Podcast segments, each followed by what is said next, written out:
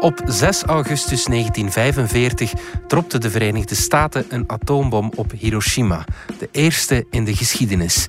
The force from which the sun draws his power has been loosed against those who brought war to the far east. Drie dagen later werd Nagasaki gebombardeerd, de laatste atoombom die ooit werd ingezet. Tijdens de Koude Oorlog kwamen we een paar keer dicht bij een atoomoorlog. Denk maar aan de Cuba-crisis in de jaren 60. The purpose of these bases can be none other than to provide a nuclear strike capability against the Western Hemisphere. Begin deze week kondigde de Russische president Poetin aan dat hij zijn nucleair arsenaal in de hoogste staat van paraatheid brengt. Приказываю министру обороны и начальнику генерального штаба Speelt Poetin bluffpoker of moeten we echt rekening houden met een atoomoorlog? En wat leert de geschiedenis ons? Het is donderdag 3 maart. Ik ben Alexander Lippenveld en dit is vandaag de dagelijkse podcast van de Standaard.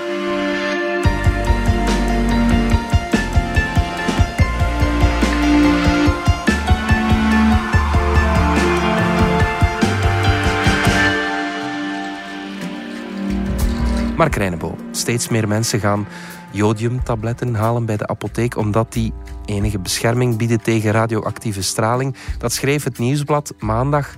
Om maar te zeggen, veel mensen maken zich zorgen. Ja, en het, het verbaasde mij dat de zorg al zo groot is. Om, Ook omdat die jodiumtabletten, uh, die gratis verspreid worden door de overheid, dienen om eigenlijk in het geval van ongevallen in atoomcentrales, in kerncentrales, in ja. Doel of in Tiange, te bestrijden. Enfin, dat is natuurlijk wel heel beperkt dat die jodiumtabletten werken, maar enfin... Maar uh, ja, het is inderdaad opmerkelijk dat mensen zich daar zorgen over maken. En ja, het is ook terecht dat mensen zich daar zorgen over maken. Want er is natuurlijk die verklaring van een aantal dagen geleden van president Poetin. Mm -hmm. Dat hij, zoals hij dat noemde, de afschrikkingseenheden in een hoge staat van paraatheid had uh, gezet, al daartoe opdracht had gegeven. Ja. En ja, als men spreekt over uh, dat soort uh, eenheden, wapentuig, dan gaat dat over atoombommen. Ja. En er komt nog iets anders bij. Dat is dat er uh, toch wel een nucleair gevaar is in Oekraïne zelf. In die zin dat, ja, daar zijn vier kerncentrales. Daar staat de oude centrale van Tsjernobyl, ja. die in der tijd ontploft is in 1986. Mm -hmm. Tsjernobyl ligt precies in de route van Wit-Rusland naar Kiev, mm -hmm. waar dus nu de grootste gevechten aan de gang zijn. Ja. Er is al een opslagplaats van kernafval gebombardeerd geworden. Per ongeluk kan je veronderstellen, maar enfin, er waart al radioactiviteit rond, meer dan gewoonlijk in Oekraïne. Ja. Het internationale atoomagentschap maakt zich daar zorgen over. Mm -hmm, dus, maar we gaan het over die atoombommen hebben ja. vandaag. Hè. Laat ons even de grootorde stellen waarin Poetin uh, beschikt over die kernwapens. Wat heeft hij in zijn arsenaal ongeveer? Ja, de, uh, zowel de Verenigde Staten als Rusland hebben ongeveer 6000 kernkoppen in hun bezit. Uh, dat is geen toeval dat dat ongeveer gelijke getallen zijn. Dat, daar bestaan internationale afspraken over. En dat is genoeg om, als men die zou gebruiken, ongeveer twintig keer de aarde helemaal te vernietigen. Ja. Uh, dus dat is ongeveer de omvang van de vernietiging waarover we spreken. En je hebt die raketten in allerlei vormen, of liever die worden gedragen in allerlei vormen. De meest bekende, denk ik, zijn de zogenaamde uh, intercontinentale ja. ballistische raketten, de ICBM's. Ja. Uh, die worden gewoon met een raket afgeschoten. Die leggen dan doorgaans grote afstanden af. Dat kan makkelijk 10.000 kilometer zijn. Mhm. En dat gebeurt dan aan een snelheid van duizenden kilometer per uur. Ja. Dat zijn dan die intercontinentale ballistische raketten. Je hebt daar ook nog bommen die gewoon onder een vliegtuig worden vastgeschroefd. Zoals bij Hiroshima en uh, Zoals bij Nagasaki. Hiroshima en. Nagasaki het Ja. geval is Ja. geweest. A short time ago, an American airplane dropped one bomb on Hiroshima and destroyed its usefulness to the enemy. It is an atomic bomb. It is a harnessing of the basic power of the universe. En die dan gewoon ja, gegooid worden, neergelaten worden vanuit een vliegtuig. Je hebt andere die vanuit um, van een duikboot worden afgevuurd. Uh, ook op een raket. Oké. Dus er zijn allerlei vormen waarbij die, die spullen worden. In het Engels wordt dat gezegd dan geleverd, delivered. Mhm. En die kunnen ook wel in, uh, laten we zeggen, kracht variëren. Uh, je hebt zelfs de idee, die bestaan, de zogenaamde Theater Nuclear Forces, TNF's. Dat zijn dan zogenaamde kleine atoombommen, maar het zijn wel atoombommen die nog veel zwaarder zijn dan wat in der tijd op Hiroshima is uh, gedropt. Ja, ja, het is, excuseer mij het woord, smeerlapperij, hoe dan ook. Ja, dat, uh, dat kleine varianten van tegenwoordig, zogenaamde vuile bommen, dat zijn die bommen die dan uh, uranium verspreiden, van radioactiviteit op een kleine schaal verspreiden. daarvan is nu nog geen sprake. Maar waar Poetin het over heeft in zijn dreigementen van een aantal dagen geleden. Dat gaat over de grootschalige nucleaire oorlog. Ja. Grootschalige uh, gebruik van atoomraketten. Ja. Stel dat hij ze effectief inzet. Kunnen we die raketten dan nog tegenhouden? Men probeert dat, maar dat is nog nooit echt gelukt. Mhm. Er bestaan ook afspraken, dat is een beetje de absurditeit van hetgeen waarover we spreken. Er bestaan ook akkoorden om antiraketraketten te beperken. ja, Op ja, dat men de idee zou hebben van als we een raket afvuren, dat die dan toch wel goed terechtkomt. Ja, en dat dat aan beide kanten zo is. En het gebruik of het ontwikkelen van antiraketraketten is een teken dat je niet te vertrouwen bent. Mhm. Maar vooral de Amerikanen hebben dat geprobeerd om dat soort raketten te ontwikkelen. En ja, dat is een beetje eigenlijk een primitief iets, want de enige manier waarop dat zou kunnen is die daartegen laten botsen. Gewoon fysiek op ouderwetse wijze. Uh, zodat die in de lucht. Zodat die in de lucht ontploffen of af, van koers afwijken, enfin, wat dan ook. Dat is heel moeilijk. Men doet daar vrij heimzinnig over. Maar de laatste keer dat ik me kan herinneren dat daar een proef mee geweest is, was in de context van de Noord-Koreaanse dreiging, die mhm. dus ook uh, over atoomraketten over lange afstand gaat. En de Amerikanen hebben daar een, een, proef mee gedaan. Dat is niet echt, mee, echt een succes geweest. Dus als een grootmacht van plan is om zo'n raket af te vuren, dan zal die ontploffen. Mhm. En uh, daar is niks tegen aan te vangen. Dat klinkt allemaal weinig geruststellend, uh, natuurlijk, Mark. Dat is ook de bedoeling. Ja, ja. maar is het, is het pure bluff of niet van Poetin? Uh... Uh, het probleem met Poetin is dat je het nooit weet. Mm. Bij ons kan je in ons politiek bestel, in een democratie, kan je zo'n beetje inschatten. Uh, politici denken zo en zo. En als zij besluiten nemen, dan gaat dat, volgt dat deze procedure met deze ideeën, deze krachten. Bij Poetin weten we dat niet. Mm. Ik hoorde uh, onlangs op uh, de RTBF een interview met premier De Croo, waarbij de interviewer vroeg mij, Poetin est fou. En men ja. gaat eruit, ja, die is gek. Is dat zo? Dat weten we niet. Hoe die besluitvorming uh, verloopt, weten we niet. In alle geval is het een teken van ja, frustratie. Van het feit dat hij zich wat gepakt voelt door de tegelijkertijd misschien trage opmars of tragere opmars door Oekraïne trager dan hij had gehoopt. Mhm.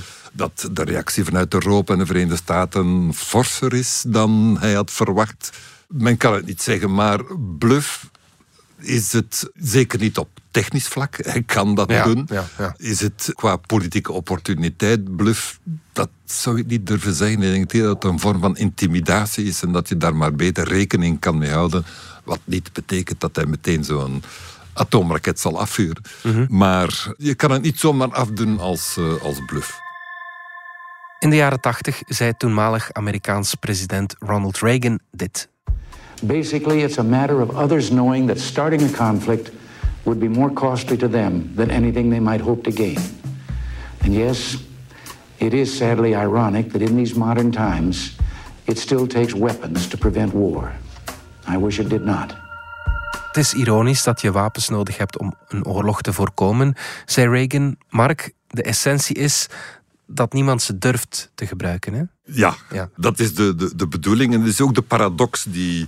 Uh, dat is hoogwaardige technologie, zo'n een raket. En dat moet vooral trefzeker, precies en wat dan ook cutting edge technology zijn. Ja maar niet bedoeld om ooit gebruikt te worden. en ja, we kunnen zeggen, ja, is dit nu het hoogtepunt van enige duizenden jaren menselijke beschaving, dat wij iets hebben bedacht waarmee wij onszelf totaal kunnen uitroeien in tien minuten en dat de middelen daartoe beschikbaar zijn voor wie het al voor het zeggen heeft. Mhm. En het is een, een restant, een erfenis van de Koude Oorlog. De eerste atoombom dateert van 1945, de Amerikaanse, op Hiroshima, dan even later op uh, Nagasaki. Hm. In 1947 heeft de toenmalige Sovjet-Unie ook zijn eerste atoombom gehad. Enfin, het was een waterstofbom. En sindsdien heb je die rivaliteit, maar ook wel het besef van eigenlijk als je dat inzet, dan is uh, ja, ja. het hek van de dam. Ja. En daar is zich in de loop van de Koude Wereldoorlog heeft zich een doctrine ontwikkeld die steunt op twee dingen. Dat is aan de ene kant afschrikking en aan de andere kant vergelding. En de idee is, en dat is relatief eenvoudig als er maar twee grootmachten zijn die zo'n type bom hebben, dat is van, kijk, we gaan dat niet gebruiken, want je weet, als jij die gebruikt, dan volgt onvermijdelijk een vergelding, namelijk dat atoombommen in de omgekeerde richting zullen afgevuurd worden. Met als resultaat de vernietiging van de aarde Ja. in het eh, beste geval. Maar Gek genoeg is dat het ja, zowat het enige waar die twee, waar de Sovjet-Unie en de Verenigde Staten over konden, konden praten. Hè. In de Koude Oorlog. eh, Het, het was dan ook heel essentieel. Ja, ja. eh, althans, daar is een, dat is gegroeid. Dat is niet eh, in, in een verdrag vastgelegd. Mhm. Maar dat principe, die doctrine heet Mutual Assured Destruction. Eh, verzekerde wederzijdse vernietiging, Ja. waarvan de afkorting niet toevallig MAD is. Ja. MAD, krankzinnig. Ja. Eh, maar dat is nu eenmaal dan de realiteit die gegroeid is. En men heeft in de loop van de jaren eh 60, 70 geprobeerd om dat een beetje, laten we zeggen, binnen de perken te houden. Door een, een soort evenwicht na te streven, door elkaar beperkingen op te leggen, voortdurende controle. Eigenlijk kwam het er altijd op neer, we moeten een systeem bedenken waarin we vertrouwen, wederzijds vertrouwen, kunnen opbouwen, waarbinnen we laten we zeggen, die arsenalen kunnen afbouwen. Die, die nucleaire arsenalen. En dat gaat op en af. Maar je hebt dan inderdaad processen, akkoorden. eh, START is er zo één. Ja. En ja, zo eindigen ze nu wel met elk ongeveer 6000 kernkoppen. Maar de vraag is natuurlijk, hoe lang houdt dat stand, zoiets? Omdat daar altijd wel een politieke reden is om daarmee op te houden. Er zijn dus een aantal verdragen de voorbije jaren door eh, de voormalige Amerikaanse president Trump opgezegd. Er zijn altijd eh, verwijten geweest ook dat men zich daar niet aan hield. Dus ja, die eh, idee van vergelding en afschrikking blijft bestaan, Ja. zodanig dat wanneer president Poetin nu een kernraket zou inzetten. Je kan veronderstellen dat hij dat niet op Oekraïne gaat afschieten, maar ja, noodzakelijkerwijs op een NAVO-land. Misschien wel Brussel, want Ja. hier zit de NAVO, hier zit de Europese Unie, misschien op de Verenigde Staten. Dan weet je zo dat er meteen een tegenreactie komt. Daar wordt nooit lang over nagedacht, want die tijd heeft men niet. Dat gaat over minuten, hooguit een paar tientallen minuten.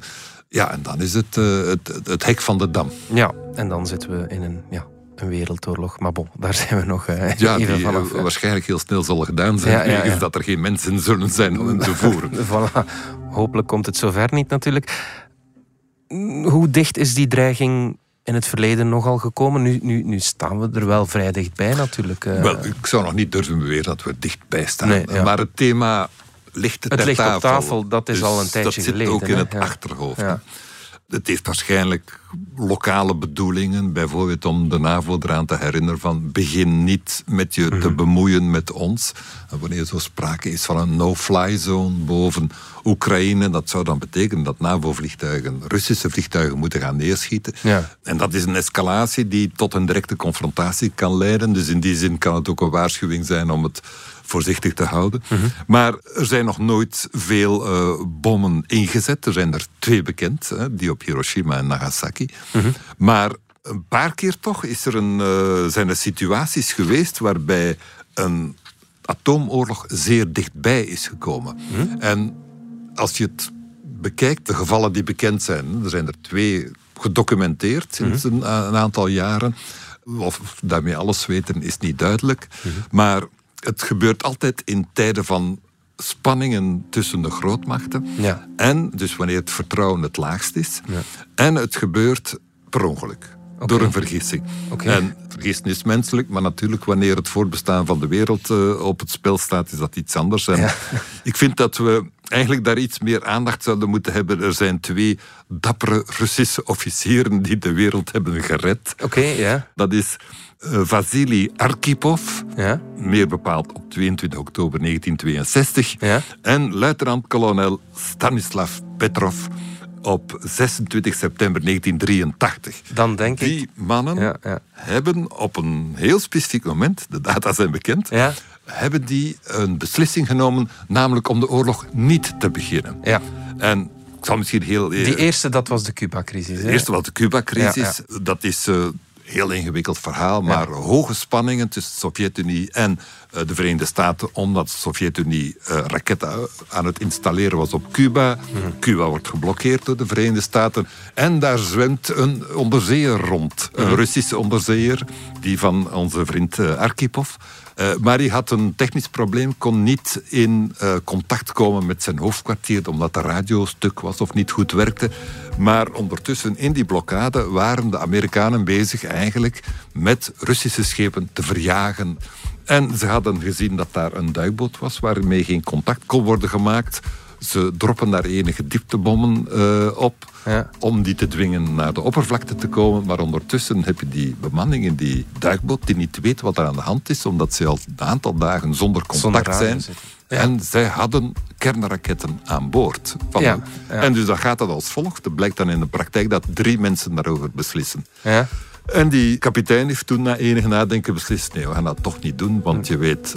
als wij een raket afschieten, dus een nucleaire raket... dan komt er automatisch een vergelding van de Amerikanen tegen Rusland. Dan is het zeker dat de hele wereld om zeep is... maar ook de Sovjet-Unie zelf eh, niet ja, meer zal bestaan. Eh, Vasily Arkhipov heeft gezegd, we doen dat niet. Ja. En, en een ander geval was eigenlijk ja, toch iets delicater. Dat was in 1983 toen de NAVO, of ja, vooral de Verenigde Staten, in Europa bezig waren met een militaire oefening. Able Archer. Eh, Dat was een soort wargame. En de- wat men wilde inoefenen was van hoe een conventionele oorlog kan omdraaien in een nucleaire oorlog. Ah, ja. Dat is het hoogtepunt van de Reagan-tijd. Ja. Die, die echt een, een eh, havik was, zeker in zijn retoriek. Mhm. In het oppoken van de rivaliteit met de Sovjet-Unie. Ja. En dan zijn die Amerikanen daar bezig, met name in Duitsland, met eh, die wargame. En ja, die Russen begonnen daar toch wel een beetje ongerust over te worden van menen die dat nu of niet? En die verkeerden in de overtuiging van we moeten dit in de gaten houden, want dit zou wel eens een echte oefening zijn om heel snel nucleair de Sovjet-Unie aan te vallen en uit te schakelen voor wij kunnen een vergelding eh, organiseren door zelf raketten af te sturen. En men zit daar naar de radarschermen te kijken. Het was slecht weer en daar kwam ja, een soort blipje op op hun radarschermen. Waarvan achteraf bleek dat dat onweer was. Ja. Maar die dat zij interpreteerden als is een raket die, Ja. die binnenkomt. Een echte raket die de Sovjet die bedreigt.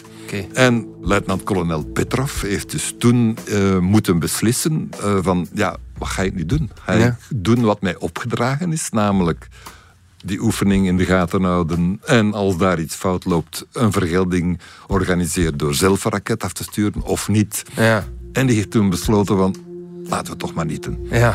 Wat Had hij het wel had gedaan, dan ja, was er een nucleaire oorlog uitgebroken tussen de Verenigde Staten en de Sovjet-Unie. En was de aarde alweer om zeep. Mm. Ja. Dus je zou kunnen stellen, we hebben het twee keer Heel dicht, net op het nippertje kunnen Ik dacht dat het altijd ja, de opperbevelhebber was. Die, en dat, dan komen we uit bij Brezhnev, bij Gorbachev, bij die mannen. Is dat dan niet zo, die de, de sleutel hebben om op de rode knop te, Wel, te hoe dat precies gaat verschilt een beetje. In Ja. principe, eh, ook in dit geval is het dus Poetin en zijn minister van Defensie eh, die dat beslissen. Maar je moet je dat ook wel een beetje de praktijk voorstellen in die zin. eh, dat wordt dus beslist, we gaan hè, raketten afvuren. Er is wel iemand die bij wijze van spreken de zwengel moet aandraaien Ja, ja. om de raket, of de lont aansteken om de raket af te vuren. Ja. En die heeft dus ook nog een zekere beslissingsmacht, of een, een beslissingsmacht of een marge voor interpretatie. Ja, ja, hoe dan ook. Zijn de Amerikanen ooit in de verleiding gekomen om, eh, om iets te doen? Ja, dat wordt een beetje stilgehouden, maar eh, ze hebben een paar keer overwogen om eh, atoombommen in te zetten. De eerste keer was tijdens de Koreaanse oorlog omdat hij ook heel wisselende krijgskansen heeft gekend. In Eh, eh 53. dat was van tussen 1950 en 1953. Ja, ja. En zeker in het begin Ja. waren de Noord-Koreanen aan de winnende hand. Heel het eh, Koreaanse schiereiland is toen quasi eh, bezet geworden. Dan is het helemaal de andere richting uit te gaan, is het, zijn de Chinezen zich mee gaan moeien. Maar eh, we zijn dan helemaal in het begin van de jaren 50 is nog een zekere euforie rond uh, kernbommen. Een beetje later heb je daar in de buurt in Vietnam de oorlog die uitbreekt. Uh, waar een heel lange belegering was van de Fransen, die op een nederlaag is uitgelopen. Toen hebben de Amerikanen ook even overwogen om de Fransen bij te staan via een, een nucleaire aanval. Wat later in de jaren 60, toen ja, het in Vietnam ook niet helemaal verliep zoals de Amerikanen het wilden, is dat nog eens overwogen geworden. En ook dat is eigenlijk een niet zo fijne gedachte. Nee, inderdaad. Wie heeft er vandaag allemaal kernwapens? Ja, uh, het, uh, het, aantal landen dat kernwapens bezit nu is, is behoorlijk uitgebreid geworden. Mm -hmm. uh, je hebt dat om te beginnen de Verenigde Staten, ik zeg ze nu even een chronologische volgorde. Ja, ja, ja. uh, uh, Sovjet-Unie, uh, het Verenigd Koninkrijk, Groot-Brittannië, die, die daar eigenlijk ook heel vroeg bij betrokken waren, al vroeg in de Tweede Wereldoorlog. -hmm. Frankrijk. En dan China. -hmm. En niet toevallig zijn dat de, laten we zeggen, vaste leden van de Veiligheidsraad in de Verenigde Naties. Wie een atoombom bezit, dat is een serieuze mens, althans. Daar moet je rekening mee houden. Ja, ja. En die hebben dus een permanent zitje in, in de Veiligheidsraad, die vijf landen. Hebben en een vetorecht, ja. Dat hoort daarbij dan. Waarbij zij toch wel een, een, een, laten we zeggen, een grote invloed hebben over hoe de macht wordt verdeeld in de wereld. Ja. Maar dus na die vijf zijn daarna is India gekomen. Mm -hmm. En daar merk je dan waarom India, omdat die al sinds zijn onafhankelijkheid, kort na de Tweede Wereldoorlog, een hevig conflict met een buurland Pakistan ja. uh, zaten verwikkeld, onder andere over Kashmir en zo. Mm -hmm. uh, en omdat India dat had, vond Pakistan dat zij er ook een moesten hebben. Ja. Pakistan heeft er ook één. Okay. Daar is een risico mee, omdat Pakistan niet altijd zo'n, laten we zeggen, stabiel regime nee, heeft. Nee. Herinner u de een na de ander, die daar, politicus die daar uh, doodgeschoten wordt, ja, ja, ja. vermoord wordt op straat. Uh, dat men zich dan zorgen moet te maken over hoe zit dat nu eigenlijk met de veiligheid van die atoombom. Maar enfin. Mm -hmm.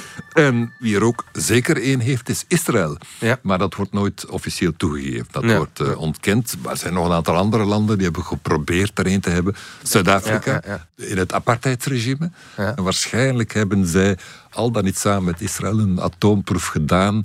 Uh, ergens in de buurt van de Zuidpool, waar okay. Zuid-Afrika aan grenst. Maar dat, dat, dat, is niet tot een resultaat gekomen. Irak heeft het geprobeerd, het Irak van Saddam Hussein. Ja. En vandaag Iran. Ja. Hebben dan beloofd op een bepaald moment van daarmee op te houden, mm -hmm. van geen research daarna te doen, ook geen research naar raketten die die konden dragen of niet. Maar enfin, dat hangt daar nog altijd en dat is ook de reden waarom Iran het voorwerp is van hevige sancties. Ja. De Amerikanen hebben zowel in Polen als in Roemenië afweersystemen geïnstalleerd. Oh ja. idee is dat Iran in staat is om uh, raketten te ontwerpen die een paar duizend kilometer verder ver kunnen vliegen. Dus vanuit Teheran een raketafvuur naar West-Europa zou te doen zijn. Ja. En dus daar moeten die installaties in Polen en, en Roemenië ervoor zorgen dat dat niet gebeurt. De angst is natuurlijk veel groter dat Iran een raket met een atoombom zou afsturen op Israël. Mm -hmm. Dat is natuurlijk veel dichter. Ja. En dat is zo'n zorg van uh, Poetin. En je zou kunnen zeggen, ja, heeft daar nooit echt een antwoord op gekregen. Van, ja, waarvoor zijn die installaties eigenlijk bedoeld? Voor mm. raketten uit Rusland tegen te houden? Of voor hypothetische raketten uit ja, Iran? Ja, ja. En dat is altijd ja, onduidelijk gebleken. En heeft ook geleid tot het verhogen van het wantrouwen tussen Rusland en uh, de Verenigde Staten. En bij uitbreiding de NAVO. Dus je ziet, het zijn niet de fraaiste regimes die nee. per se een atoombom willen hebben. En eigenlijk hebben ze allemaal de bedoeling om hem te gebruiken. Ja, ja. Op zijn minst om daar heel concreet mee te dreigen met het gebruik daarvan. Ja, ja. Dus ja, dat sterkt nogmaals het idee een fraaie technologie is dat eigenlijk nee, niet. Nee, absoluut niet. Op ons grondgebied zouden ook uh, kernwapens staan. Hè? Niet zouden, maar liggen dat er. Is zo, ja, in kleine brogel. In kleine brogel op ja. de luchtmachtbasis. Dat zijn Amerikaanse raketten. Daar ja. is al, eigenlijk al lang veel om te doen. Officieel is dat een geheim. Hè. Wij maken ons nu schuldig aan het schenden van een staatsgeheim. Alhoewel je allerlei publieke Amerikaanse websites kan vinden waarin Het is dat, wel een eh, zeer publiek geheim, denk Zeer ik. ja. publiek geheim. Let daarmee op. Eh, in, de, in Nederland is er ook zo'n eh, voorraadje Amerikaanse bommen op de basis van Volkel. Uh-huh. En in het activisme tegen die atoombommen heeft een ex-minister van Defensie van Nederland Uh-huh. dat ooit eens publiek gezegd: in Volkel liggen Amerikaanse atoombommen. Ja. Die is door het gerecht onderzocht geweest Oké. wegens het eh, prijsgeven van staatsgeheimen. Die man is vrijgesproken. Ja. Maar dat geeft toch aan dat daar nog altijd onderzoekingen, enfin, toen onderzoekingen naar gebeuren. En het curieuze is, een paar dagen geleden hoorde ik op Nederlandse televisie iemand die heel uitdrukkelijk zei dat er bommen liggen in Volkel. Ja. Ook een publiek geheim natuurlijk. Ja. En ja, dat passeerde zomaar. Dus ook Ja. daar zijn de Het is niet dat wij nu eh, risico lopen om... eh, Eh, nee, nee, nee, absoluut niet. Ik heb het trouwens herhaaldelijk al in de krant geschreven. Ehm. Maar dat zijn bommen die daar liggen. Het Zijn, dat zijn tactische nucleaire bommen.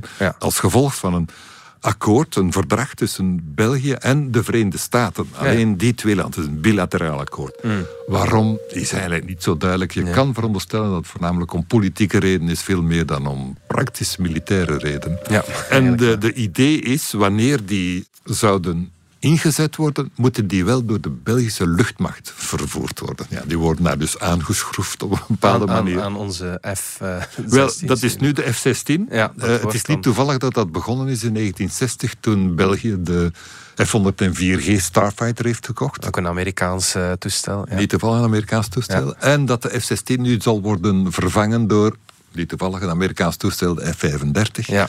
En de idee is, als men vindt dat dat nodig is om die bommen te gebruiken, dan, laten we zeggen, nemen de Amerikanen het initiatief. Maar de Belgische regering moet het daarmee eens zijn, expliciet. Die moeten bij elke gebruik van die bom ja, een toestemming geven. Mhm. En pas dan kan majorvlieger Van de Velde Ja. met zijn F-16 dat ding gaan vervoeren. En die bommen liggen daar nog altijd en ze worden eh, al een tijdje gemoderniseerd. Hè. Ah, ja. Dat, dat moet voortdurend geüpdate worden. En laten we zeggen, de aard van die bommen wordt altijd maar meer gesofisticeerd. Maar goed, die dingen die liggen daar. Met name leidende politici hebben vaak opgeroepen van laten we daarmee ophouden. Mhm.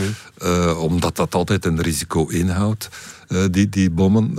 Maar dus dat heeft nooit iets uitgehaald. En de officiële politiek is nog altijd, zeker van beide Amerikanen, wij bevestigen het niet, maar we ontkennen het ook niet. Ja. En ja, je ziet daar een soort institutionele traagheid die er wel toe leidt dat er in België atoombommen liggen, Ja, ja, waar we eigenlijk niets aan te zeggen hebben. Tot slot nog even over Poetin. Het hele idee van kernwapens is dus dat ze zo vreselijk zijn dat ze eigenlijk nooit gebruikt worden. Zeker door die mutual assured destruction, eh, zoals je zei, eh, als beide partijen ze hebben. Staat die these vandaag nog recht? Ja, maar dat is alleen een, een kwestie van geloof. Ik bedoel, wat, is het, eh, wat is het alternatief van eh, nee, morgen valt de bom op Brussel en dan tien minuten later de bom op Moskou en Leningrad. eh, Sint-Petersburg vandaag. het, het is natuurlijk iets wat veel ter discussie staat. En, en wat ik er altijd interessant vind, enfin, en het is zeker geen troost, dat is de zogenaamde Doomsday Clock. Ja. Dat is een, ehm, ja, een indicatie die elk jaar eh, wordt vastgelegd door de Bulletin of the Atomic Scientists. Dat zijn atoomspecialisten. Eh, hun bulletin is opgericht in 1945 door Albert Einstein. Ja. Een man die hè, van wanten weet. Ja. Is gevestigd aan de Universiteit van Chicago, waar men zich daar nauw bij betrokken voelt en daar onderzoek naar doet. En die maken elk jaar een soort stand van zaken over hoe gevaarlijk de wereld is. De laatste keer dat ze hun klok hebben ingesteld was op 22 januari. Toen was de escalatie al bezig. We voelden die spanningen. En ze hebben toen de klok gezet op 100 seconden voor 12. Oké, Dat is dus minder dan twee minuten. ja. Dat is... En dat is al een paar jaar zo. Sinds 2020 geloof ik staat dat dus op 100 seconden voor middernacht. En dat is het dieptepunt. Het, het, het is nooit dieper geweest. Zelfs niet ten tijde van de Cuba-crisis of in de Reagan-jaren. Ja. Op zijn best is het 17 voor 12 geweest. 17 voor middernacht. Maar dus de voorbije jaren is dat altijd maar verder gezakt. hun inschatting van het nucleaire gevaar. Ja. En met name of dat geheel van vergelding en afschrikking, of dat wel werkt, of dat stand houdt. Dus het gaat altijd maar achteruit. En ze waarschuwen ook van ja, het is hetzelfde als vorig jaar, 100 seconden voor middernacht. Maar dat betekent niet dat de toestand gestabiliseerd is. Want, en ze hebben daar een heel mooie formulering voor, het is geen kwestie van stabiliteit, maar the doorstep of doom is not the place to loiter. Hmm. Dus als uh, de doem, de ondergang, als je daar vlak voor staat, daar blijf je beter niet in ronddrentelen. Denk uh, ik ook niet. Dus wat ze moeten doen is uh, ja, ervoor zorgen dat die tijdspanne toch iets groter wordt. Ik hoop het. En dat hangt dus van, van politici af. En het is al een goed teken dat de NAVO heeft beslist om alvast niet te vergelden in termen van ook wij zullen onze nucleaire strijdmachten op een hoge, in een hogere graad van paraatheid brengen. Ja. Ook de Amerikanen hebben dat niet gedaan. Dus dat is een teken dat het een beetje werkt. Ja. Dat de ene straffe uitspraak niet leidt tot een even straffe uitspraak aan de andere kant. Maar uh, het blijft een gevaarlijke wereld. Mm. Goed. Mark Reineboom. Nee, het is niet goed. Nee, het is niet goed. Dank je wel. Alsjeblieft. Dit was vandaag de dagelijkse podcast van de Standaard. Bedankt voor het luisteren. Ken je trouwens DS Podcast al, de podcast-app van de Standaard? Daar luister je niet alleen naar onze journalistieke reeksen, je krijgt ook elke week een eigenhandige selectie van de beste nieuwe podcasts op de markt. Alle credits van de podcast die je net hoorde vind je op standaard.be-podcast. Reageren kan via podcast.standaard.be. Morgen zijn we opnieuw.